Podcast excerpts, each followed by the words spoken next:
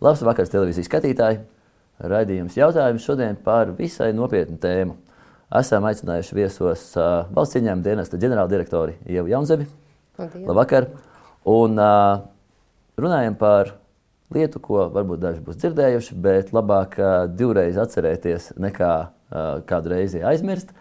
Uh, šajā gadījumā tas ir runa par pirmo datumu. Uh, tikai atšķirībā no citām reizēm, kad uh, mudinām kādam datumam pievērst uzmanību un nenokavēt viņu, šoreiz tas ir mazliet citādāks.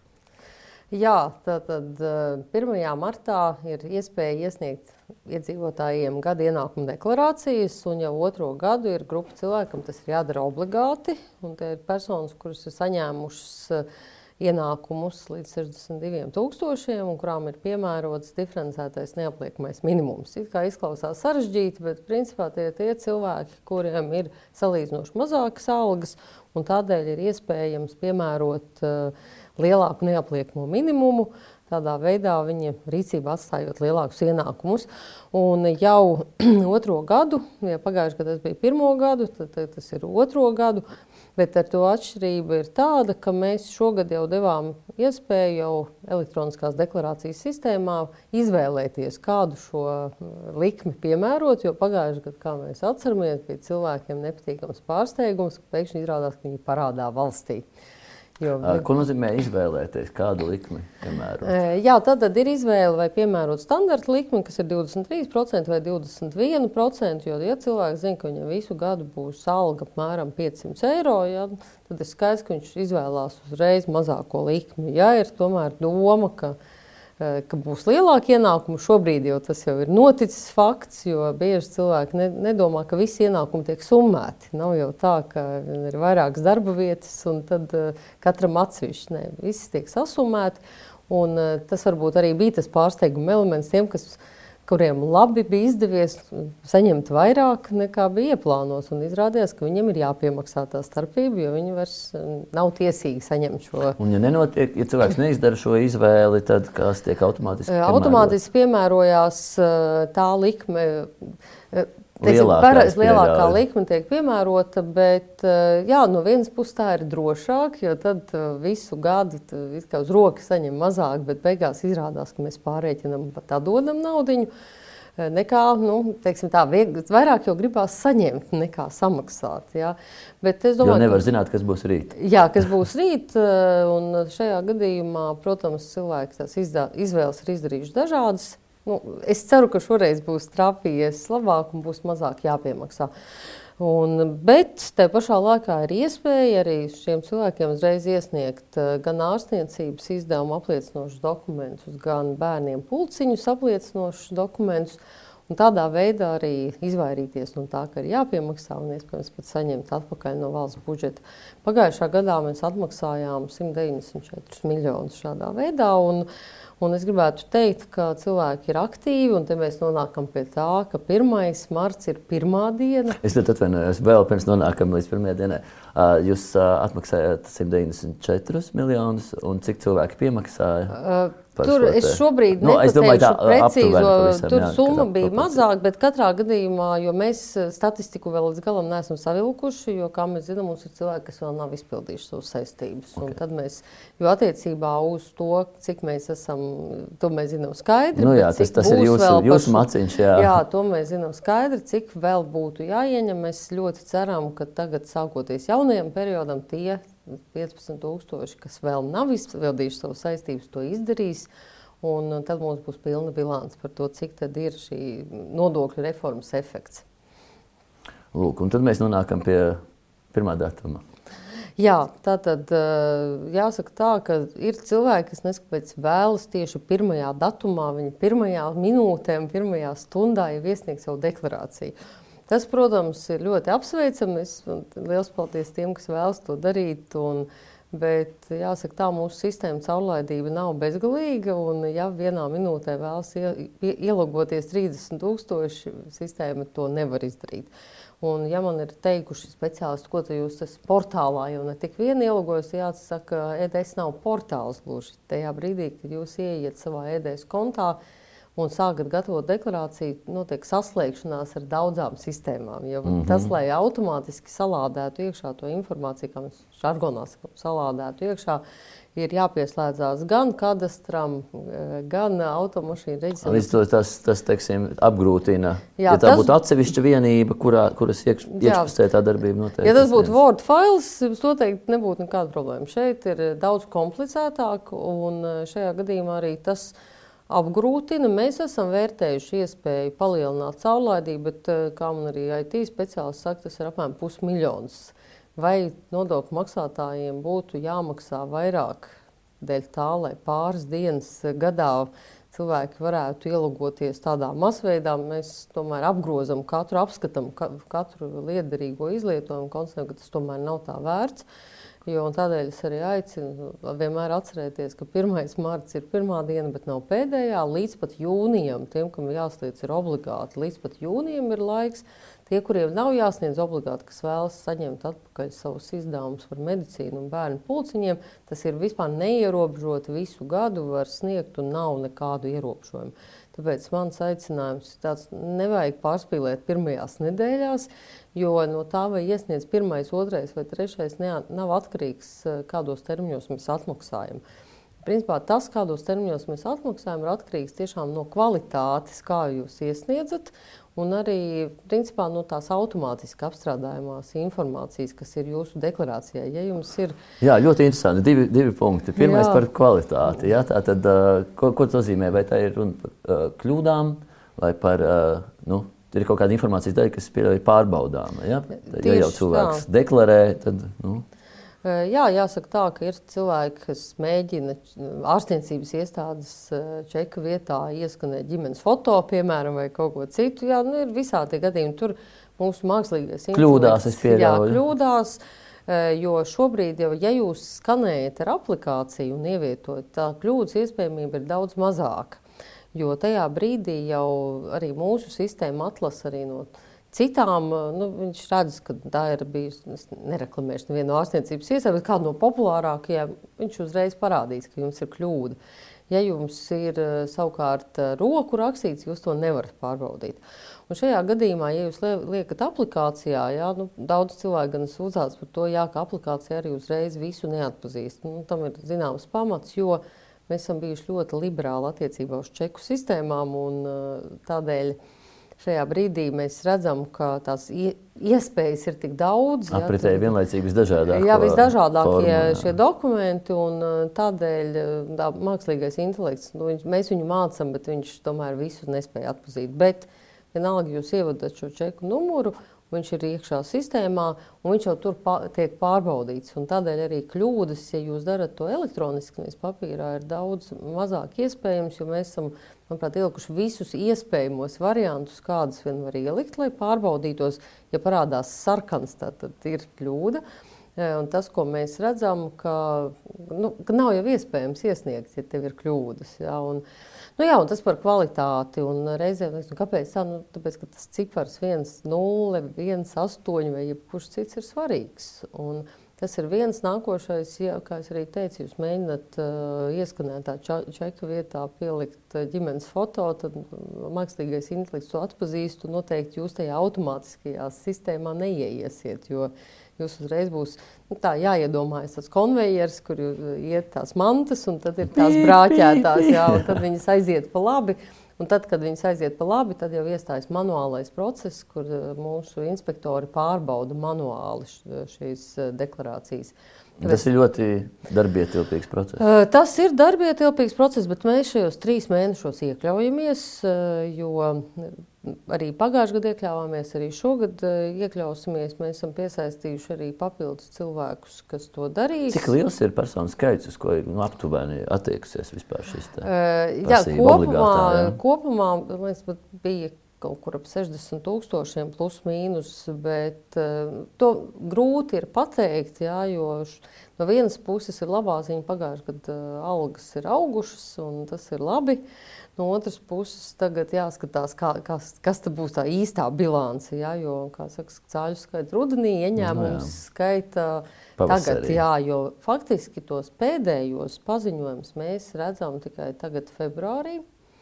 Jo kāpēc? Tāpēc, ka darba devējs iesniedz šos ziņojumus. Tas arī ir ļoti svarīgs jautājums par datu kvalitāti.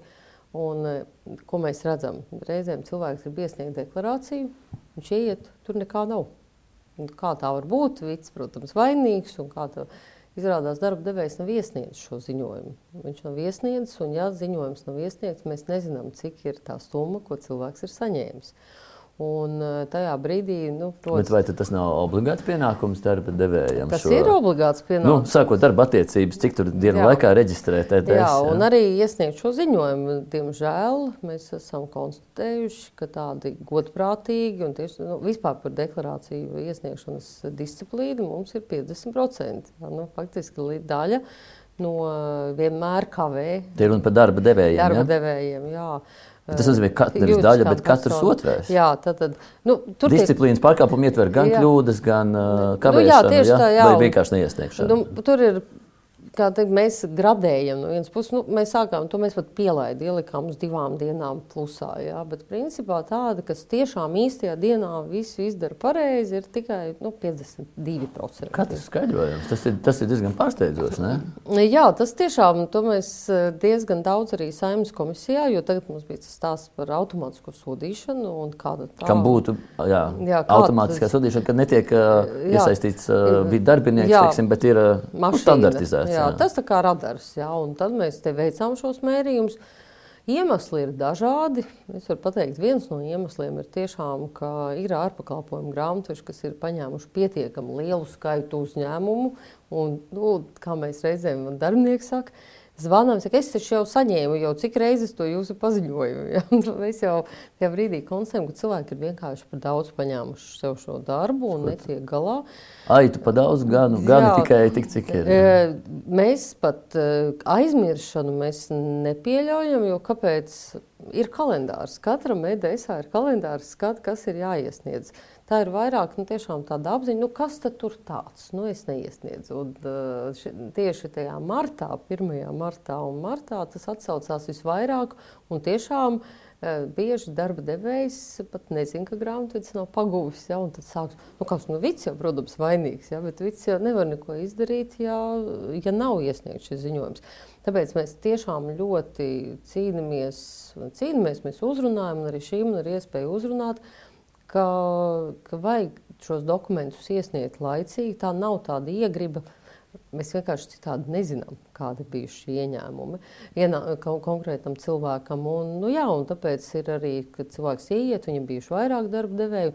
Nu, kā, bet nu, nav tur tās summas. Un tad skaidrs ir viens, ka jums ir jāvēršās visu pirms pie darba devēja.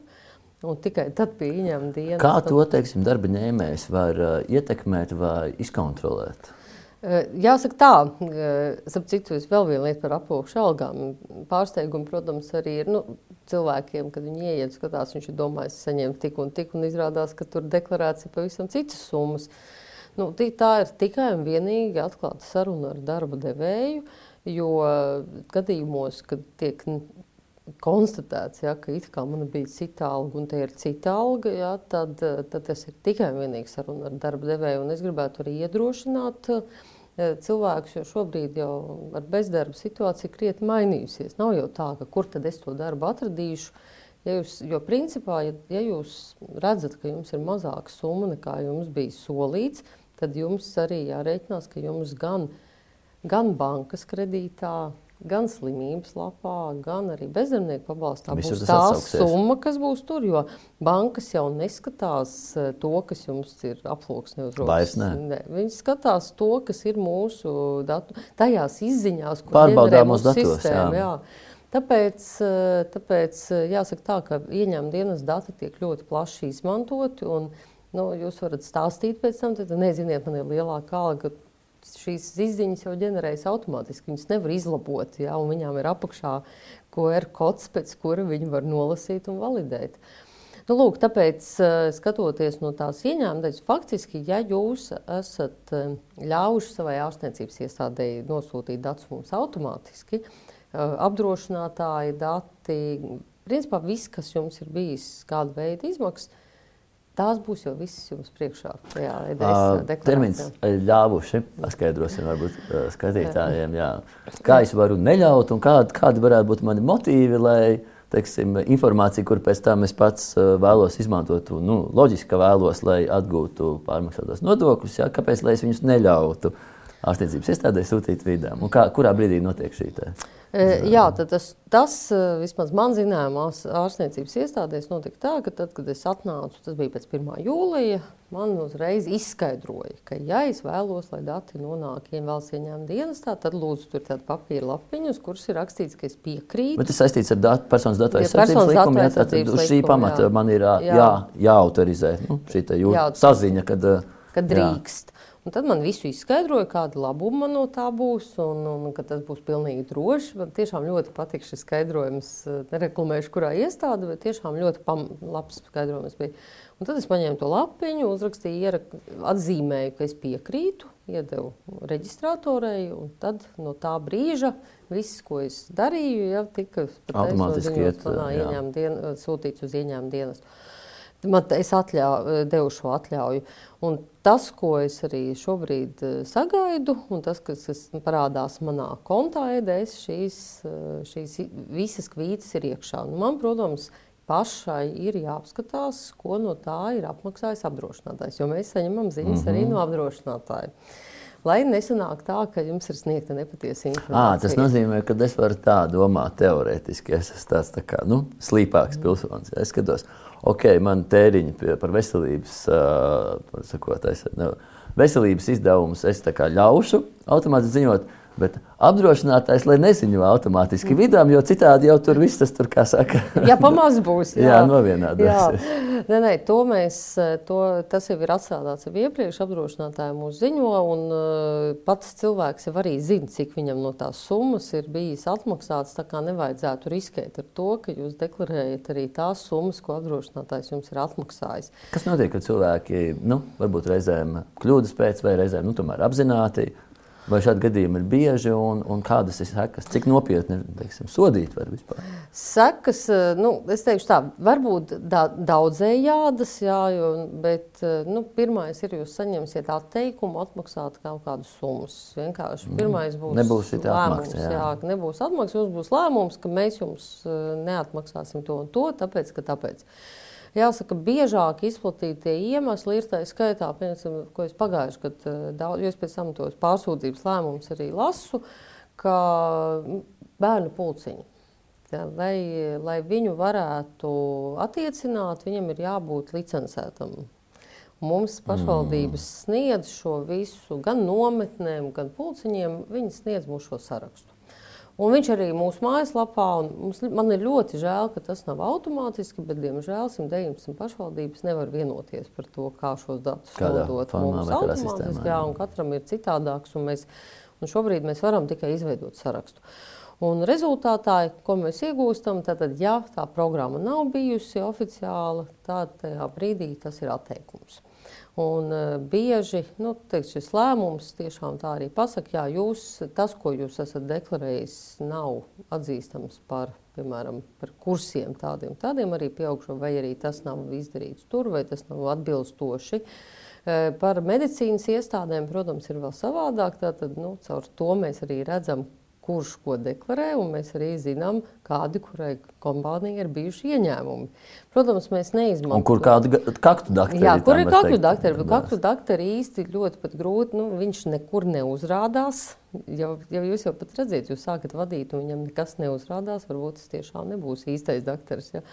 Bet to mēs redzam, ka, kur tiek ģenerēti kādi ienākumi un kas notiek. Uh, Protams, ka mēs izmantojam. À, šeit parādās visādi astrologi un enerģiju meistari. Jā, nu, tur es teikšu, tik detāli es nevarēšu pateikt, bet jā, nu, cilvēki cenšas deklarēt dažādas lietas. Nu, protams, ir, protams, ir diezgan sāpīgi no administratīvā resursa viedokļa, ka mēs esam atteikuši. Nu, jā, mums no vienas puses mums ir jābūt precīziem. Mēs esam atteikuši, un tā starpība tur, teiksim, ir, nezinu, divi eiro cilvēks pārsūdz tos divus eiro. Ja. Es, Principāli, man no vienas jā. puses būtu gatava aiziet samaksāt, ja, bet, bet tai pašā laikā tas, jā, tas ir principa jautājums un pārsūdz. Nu, es nezinu, vai līdz tiesai aiziet ar diviem eiro, bet, bet jā, gadās tādas situācijas.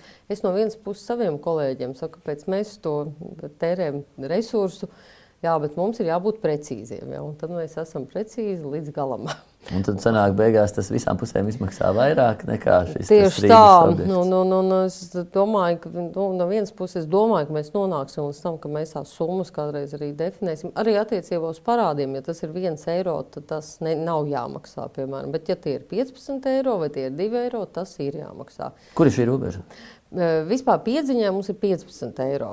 Jā, tad, tad parāds no 15 eiro, kas mums ir jāsāk piedzīt. Te, nu, jāsaka, tā, tā vienmēr ir valsts bagātības vai nabadzības pazīme, tā skaitā, bet šobrīd ir tie 15 mm. eiro un uz parādu tas ir 1 eiro. Jo parāds ir parāds, jo nu, mēs neesam tiesīgi atlaist neko Jā, nu, tur nav- pareizinot kas ar, ar, simtiem tūkstošiem Jā, un desmitiem tā. tūkstošu veidojās nopietnas summas. tā. Turpināsim sarunu pavisam drīz, bet tagad dosimies pavisam nelielā reklāmas pauzē. Turpinām sarunu ar raidījumu jautājumu viesņu. Šodien tā ir Ieva Jaunzeme, valsts ieņēmuma dienesta ģenerāldirektore.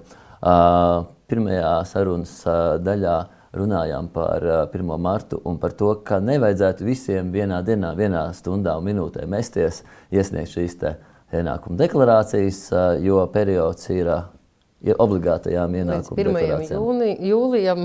Tad trīs mēneši, jā, un jā. tiem, kam tas nav obligātais pienākums, to var darīt augu cauru gadu uh, bez noilguma. Faktiski, Trīs, jā. pa trīs gadiem. Par pēdējiem Pēc trīs gadiem. jā. jā.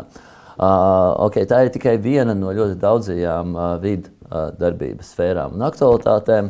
Uh, pēdējā laikā ir izskanējis, uh, ka jūs tomēr nepaliksiet maigāki, uh, bet pieņemsiet vēl stingrākus mērus. Tā laikam nevar teikt latviešu, bet cīnīsieties vēl bargāk ar aploksņu algu maksātājiem un tātad oficiālo algu nemaksātājiem. Uh, Kāda ir situācija uz šo brīdi, vai vispār ir kaut kādas tendences, pieaug, samazinās? Jā, teiksim, ēnu ekonomika un aploksņa algas parasti skaitām maijā. Un Kāpēc, arī, jāsaka, kāpēc maijā? Tāpēc, ka tas, ko es arī minēju iepriekš, pēdējo ziņojumus mēs saņemam februārī, tad kā mūsu nodokļu maksātāja disciplīna ir, ir 50% tikai iesniedz laicīgi, tad nu, beig, beigās galus mēs savēlkam ap māju. Bet ir labās ziņas pagājušajā gadā, un tā labās ziņas ir tieši tādas, ka ir būtiski pieauguši ieņēmumi gan sociālās apdrošināšanas iemaksās, gan iedzīvotāju ienākumu nodoklī. Tie ir līdz 12% kopā. Man jāsaka, ka tas ir labs signāls, ka nāk ārā no ēnām. Protams, ir, ir pieaudzis nodarbināto skaits, ir pieaugušas algas. Nu, tas, arī, tas arī liek mums cerēt, ka būs labāki rādītāji šogad. Plus, vēl es pēdējo lasīju, ka minimālo algu personu, kas saņem min zem minimālās algas, skaits arī ir sarūcis gandrīz par 5%. Tas nozīmē, ka mēs tomēr ejam ārā no šīs pelēkās zonas. Uh, Tā tad ir pieaudzis gan kopējais nodarbināto skaits, gan ie- ieņēmumi no, no, no šiem mm -hmm. nodokļiem. Uh, tas nozīmē, ka varbūt tas arī ka mēs neejam ārā. Ja, kad, uh, nu, tur ir tā, tā kā teiksim, grūti noteikt, ja, kur ir tā robeža. Mm. Jo, um, Nē, nu mēs skatoties no tā, vai mēs ejam ārā vai nē, jo es domāju, ka uz legalizācijas pusi iet, jo algas pieaug. Un, un ar vien vairāk arī nākot pie mums uz ieņēmuma dienestu, cilvēki saka, ka vairs nav gatavi strādāt par, nu, par daļu aploksnē. Jo, jo tādēļ, ka redz, kādas ir tās sekas, ja, tie tiešām ir 5 centu slimības pabalsts, 7 centu bezdarbnieku pabalsts dienā. Nu, ne, tas nav. tajā brīdī, kad sākās kaut kādas šīs sociālās, Jā. kad ir nepieciešama sociāla aizsardzība, tad cilvēks attopās. Jā. Tieši tā, un tajā brīdī viņš attopās, un tad viņam liekas, ka viss ir tik netaisnīgi. Jā, bet tajā pašā brīdī skaidrs, ka ir jāiet pie darba devēja, jāsaka, es tā vairāk nedarīju, negribu saņemt. Jā. Un eh, te mēs arī skatāmies, ka tas nav nabadzības jautājums, jo eh, Rīgā teiksim, šobrīd 37% no aploksņa algu saņēmējiem pēc mūsu aprēķiniem atrodas tieši Rīgā un Pierīgā. un tad mēs ne, nevaram runāt par to, nu, ko cilvēks citur ies, viņš citu darbu nevar atrast. Tas nav tāpēc, ka 37% cilvēku varbūt dzīvo Rīgā, Pērīgā. Uh, nē, mums jāsaka tā, ka Latgals, mēs runājam īpatsvars no šeit ah, nodarbinātiem. Jā, jo Latgalē tas ir 34%. Principā, nu, apmēram trešdaļa ir gandrīz visur. Jo kā mēs to rēķinām? Mēs, mums ir statistika, kāds, mums ir saņemti darba devēja ziņojumi par, un mēs salīdzinām, cik ir vidējā alga tādā nozarē vispār, jo skaidrs ir, ka cilvēks ir gana attapīgs, lai viņš nestrādātu par, ja tirgū cenu maks, jāmaksā ir par šo profesijas algā jāizmaksā 1200, ja, kāpēc viņš strādātu par 430, ja, un kā man arī ir teikuši uzņēmēji, cilvēki, kas ir saņēmuši legāli visu algu, viņi nekad neies atpakaļ uz nelegālo, jo Jo nu, viņi saprot, ko tas nozīmē. Protams, ja nav kaut kādas citas ķibeles, nezinu, kādas problēmas ar alkoholu vai kaut kas tāds, bet principā cilvēki iet tikai uz legalizāciju, nevis uz atpakaļ. Jo viņi saprot, ko tas nozīmē. Un, un tā mēs arī to reiķinām. Šajā gadījumā, protams, Rīgā tā aploksņa alga ir varbūt teikšu, tā, ap 300-400 eiro. Latvijā, protams, tas varētu būt daudz mazāka summa, ja, ko cilvēks saņem aploksnē. Bet šeit mēs runājam tieši par īpatsvariem. Uh, Un, uh, es teiktu, nav, kāpēc es gribēju to uzsvērt, jo nav vairāk tā, ka tam būtu ekonomisks pamatojums, jo man ir krīze, ir bezizēja, kur es citur darbu dabūšu. Tā situācija nav. Darbinieki tagad ir uz izķeršanu, īpaši kvalificēti speciālisti. Un uh, pateikt, ka man tiešām siltuma tehniķis strādā par 450 eiro, ir, nu, tas nav reāli un nav arī pamatot, jo skaidrs, ka nestrādā. Kāda ir situācija ar pašnodarbinātajiem un ar mikro uzņēmumiem? Vai vispār teiksim, nu, šis te formāts, vai viņiem ir tendence samazināties, un cilvēki teiksim, vairāk pāriet uz tradicionālajiem nu, uzņēmumu darba līgumiem?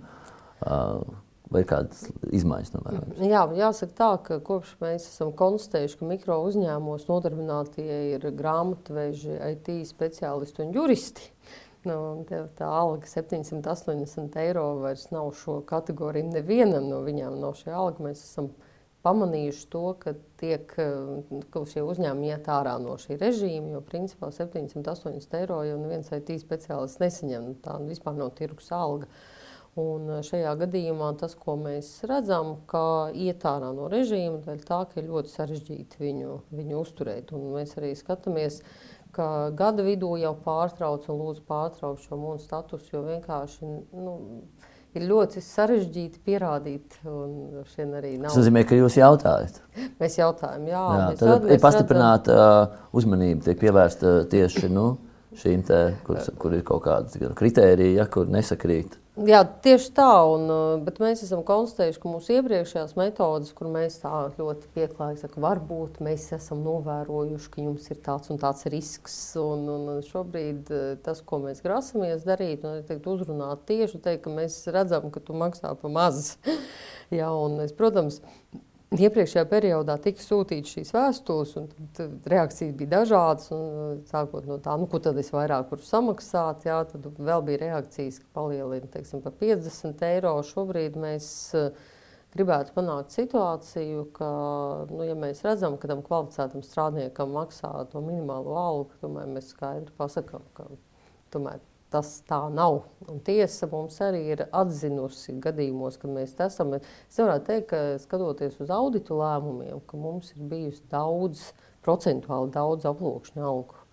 Jo ievērot to, ka mums ir jāatrod avots, jā, tas bija tiešām efektīvi, nu, nebija pārāk efektīvi, un varbūt tas arī apgriezt tikai galīgi. Jā, teikt, jā. tas tā kā ir iemidzinājis arī to, to modrību, jo uh, Jo tā lieta tomēr ir diezgan ielaista.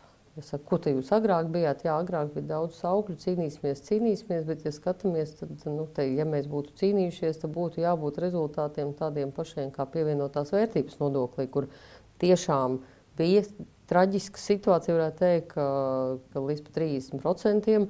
Tad tagad mēs eh, neilgā laikā esam tikuši līdz Eiropas līmenim, kas ir 10%, jo tiešām tika izdomāta metode, nu, kā šīm buferu firmām vai tiem, kas gribēja atg nepamatot atgūt, ielikt gan mākslīgo intelektu, gan visu pārējo, lai pateikt, nē, šī tā nebūs. uz aploksņa algām tas nav noticis, un tagad mums tas ir jāizdara. Uh, tad mēs runājam par to, ka uh, uzlabojās situācija gan aploksņa augu jomā, gan kopējie ieņēmumi. Ja, tātad, uh... Es gribētu cerēt, es mājā redzēšu, vai ir uzlabojusies situācija. Kopēji ieņēmumi, jā, jau pagājušajā gadā mēs bijām tuvu 10 miljardiem, varētu teikt, tā nopuļojot uz augšu, nedaudz jau bija 9,8, šogad ir 10 miljardu budžets, jā, ieņēmumi iet uz augšu. Jā, ieņēmumi no algām, algu nodokļiem arī iet uz augšu. Gribētu cerēt, ka tas būs rezultējies arī Saukskunga pētījumā, jo Saukskungs šo pētījumu veids aptauju veidā. Tur mums tā starpība. Mēs savus, savus mums datus... statistika. To, jā, mēs jā. iegūstam statistiku, mēs rēķinam, protams, tā arī ir aprēķina metode. Mēs rēķinam to vidēju algu, ja, un tad skatāmies, cik liela tā plājas Saukskungs prasa izjūtas. Kā jūs jūtat? Nu, es gribētu cerēt, ka mūsu dati būs uh, sakritīs. Jā, pagājušajā gadā uh, mēs bijām ne, ar savu statistiku optimistiskāki. Mums bija 19%, viņam bija daudz. Kā jūs jūtaties šoreiz, vai piesardzīgāk? man, saku, man ir indikācijas, mēs tieši sazinājāmies ar Augstskungu iepriekš. Man ir indikācijas, jo es balsos tikai uz cipriem. Ja? Es redzu, ka man pieauga algas nodokļi. Un... Jā, emocijas arī var novērtēt ciparu. jā, jā, tas ir. Savu pārliecību no 1 līdz 8. Bet es gribu teikt to, ka šiem izjūtu rādītājiem ir liela inerce. Ja pat objektīvais rādītājs ir izmainījies, tad uh, uztveres rādītājs mainās daudz lēnāk. Nāk līdz kaut kādam, tīpaši tas ir kādam periodam Tieši bijis raksturīgs. Jā. Un, uh, tāpēc, uh, teiksim tā, ka ja pat būtu pagājušā gadā kaut kas mainījies, tad izjūtu līmenis varētu arī būt, ka nekas nav mainījies. Ja? Un citreiz atkal ir pilnīgi pretēji, ka situācija jau sen ir daudz sliktāka bet tu dzīvo vēl tajā pagātnes atmiņās un saka, ka viss ir labi. Ja? Tā kā skatīsimies, kas mums tajā maijā būs, eh, bet eh, tas, ka ir ko darīt, ir skaidrs. Un, ja mēs gribam šo pieaugumu uzturēt eh, katru gadu, lai budžets pieaug, mums vēl ir diezgan daudz rezervju iekšā šajos biznesa modeļos, kas ir izveidoti tā, ka nodokļiem nesanāk vietas. Nu, tā tad ir šī daļa, kas skar aplūšņa algas un, un, un ēna ekonomikai ir daudz dažādi, kā saka, uh, alas un slēpņi un izpausmes formas.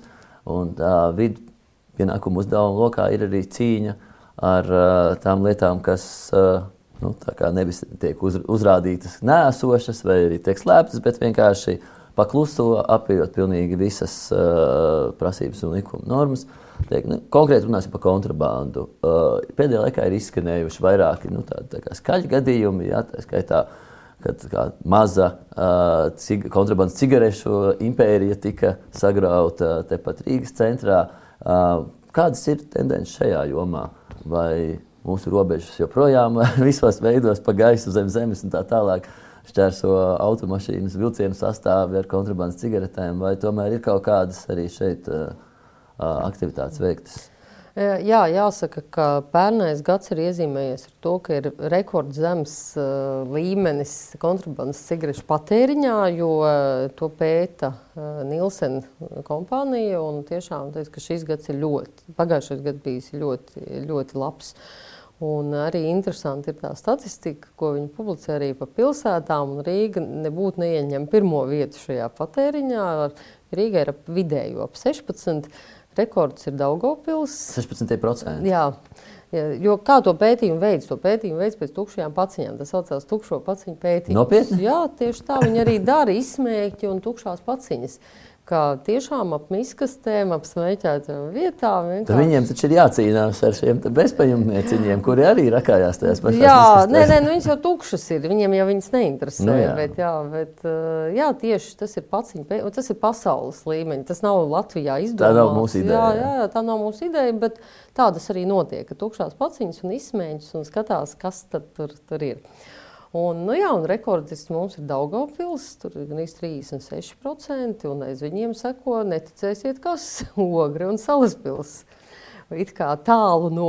Bauska. Nē, Bauska, nē. Es pat teikšu, ir saldus, kur vispār nav, viņas faktiski nav identificēts, nu, ne, ļoti neliels procents, kuldīga, ir ar zemu procentu tie, kas ir pašā apakšā. Jo, kā saka kolēģis, eh, policijas vadītājs, viņš saka, nu kā, nu, ja jau pašvaldības policija, policija dara kaut ko, tad jau ir rezultāts, jā, jo to jau nevar darīt, ne, nu, tās punkti, kur var nopirkt nelegālās cigaretes. Nu, Agrāk vēl tie top zinām, jā, jā un tīpaši zinām. mazākās pilsētās tam vajadzētu būt. Tā kā bez ziņas to nevar e, izdarīt, jā, un tas Rīgas piemērs arī bija tas, ka nu, tik ilgi nu, nevar būt tā, ka neziņā. Nu, lūk, tas bija viens, e, un tas mums, protams, iepriecina, e, ka tā situācija uzlabojās. Protams, tas ir ļoti skurplos mūsu muitas dienestu darbs, un ar, saku, ar lāpstu un cirtni, jo nav jau noslēpums, ka mūsu kontrabandas pārvietotāji jau ir gan inovatīvi. Ja? Kaut gan tagad tās metodas, ko viņi piekāpja, ir diezgan jau nu, zināmas, bet mēģinājumi vienmēr ir. Pēdējās katru dienu principā ir aizturējumi. Jautājums ir tikai par apjomu. Jā, kopā mēs esam pagājušajā gadā aizturējuši 63 miljonus gabalu. Jā, Kur viņi tagad slēpj? Zem ogļu kravām? Noteikti. Jā, šogad nav ziemas kā mums teicām, mums tas pavasaris iestājas citādāk. Agrāk bija tā, ka pavasaris iestājas tad, kad parādās pirmās cigaretes. Šogad, ziemu, jā, nevar, jā, pēdas, jā, jā, sniegs un pēdas, un arī sasalst, grūtāk ierakt. Šogad mums nebija ziemas, kā rezultātā visu ziemu mums nāca tās cigaretes. Un pēdējais, nu, pēdējais, kas bija šīs nedēļas laikā, nu, bija ieraksts ļoti dziļi ļoti dziļi un nu, dabūju nopūlēties, sāka rakt Indrā un turpināja vēl tālāk, ja, jo bija pašā, pašā dibenā ieraksts un liels 60 tūkstoši. Nu, milzīgi apjomi. Un uh, tagad bija arī ko es redzēju, bija riepās. Tas bija šī riepās, kur ieslēpja rezerves riepās. Rezerves riepās un arī tu, tā, tur bija diezgan daudz. Un, eh, nu, mēs runājam tikai par desmitiem tūkstošiem. Tur mēs nerunājam par, par diviem blokiem. Jā, jā. Tas nav tāds. Un tad bija skaidrs. Šonadēļ bija arī skaidrs. Jā, tā kā skaidrs bija ieraksts. Kā principā es vienmēr saku to, bet jūs padomājat, ko jūs smēķējat. Es oglēs, viņi bija pievilkušās ar mitrumu, ar tām vispār.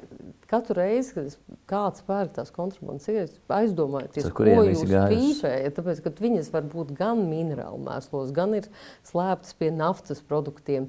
Tas, ko jūs tur varat iepīpēt, ir kaut kas pilnīgi tāds, ko jūs pat nevarat iedomāties. Uh, Nu, lūk, tā kā to mēs uh, darām, tas tiešām, kā saka, muitnieka darbs ir smags, jo viņam ar to lāpstu viņi jārok ārā. Un, uh, to mēs arī darām. Nākošais ir, protams, tādas kravas, kas tiek sūtītas caur, caur kuģi, pa kuģu ceļu. Un, uh, tur mēs saņemam informāciju no saviem uh, citiem kontrolējušiem dienestiem. Parasti mēs arī sagaidām, eh, sagaidām šo kravu. Tad tur ir arī lieli apjomi. Tie konteineri, jā. Konteineros, jā. Un konteineros slēpj un pa kuģu ceļu nāk, un visā citādi arī tā saucamie prekursori, ja, kas ir eh, izēvielas narkotikām. Pagājušajā gadā mums bija arī ļoti liels apjoms, kas ir 7,2. Kas tas ir pulverīši, kurš galā atšķaida? Nē, tas ir, tas ir šķidrums, kuru pēc tam destilē. Mm -hmm. un, un, un kopā mums bija 7,2 tonnas. Uh, nu, jā, lielākā daļa, protams, gan 4 tonnas bija šie prekursori, jo uh, Nu jā, viņus maskē, mēģina maskēt. Nā, divas tonnas tur bija tas aptuveni divas tonnas, tas kokaīns. jā. Tad, tad, tad, tad, ne, tas parasti ir kaut kāds metāmfetamīns. Jā, nē, es tā rēķinu no tiem septiņiem, jūs sakat, tas bija pagājuši gadu, nemaldos. Nē, nē tie, tie divi, jā, un, bet bija mums hašišs lielos apmēros un marihuāna. Jā, tie ir, tie ir lielie sūtījumi. Te, tiešām mums ir ļoti laba sadarbība arī ar citām iestādēm, un mēs spējam, jo spējam koordinēt rīku. Vai ir priekšstats, vai te, te paredzēt šie sūtījumi Latvijai kā gala saņēmēja valstī, bet tas ir nu, Latvija kā tranzīts šajā gadījumā? Pārsvarā Latvija kā tranzīts, prekursori bija domāti Holandei. Un arī es teicu, paldies, man tiešām ļoti kvalificēti kolēģi, un daļām tika aizsūtīti arī mēģi, nu, aizsūtīti. Mēs saziņām, mēs zinājām, pēc tam tika aizsūtīta ar šī mašīna, ar kuru to darīt. Ja?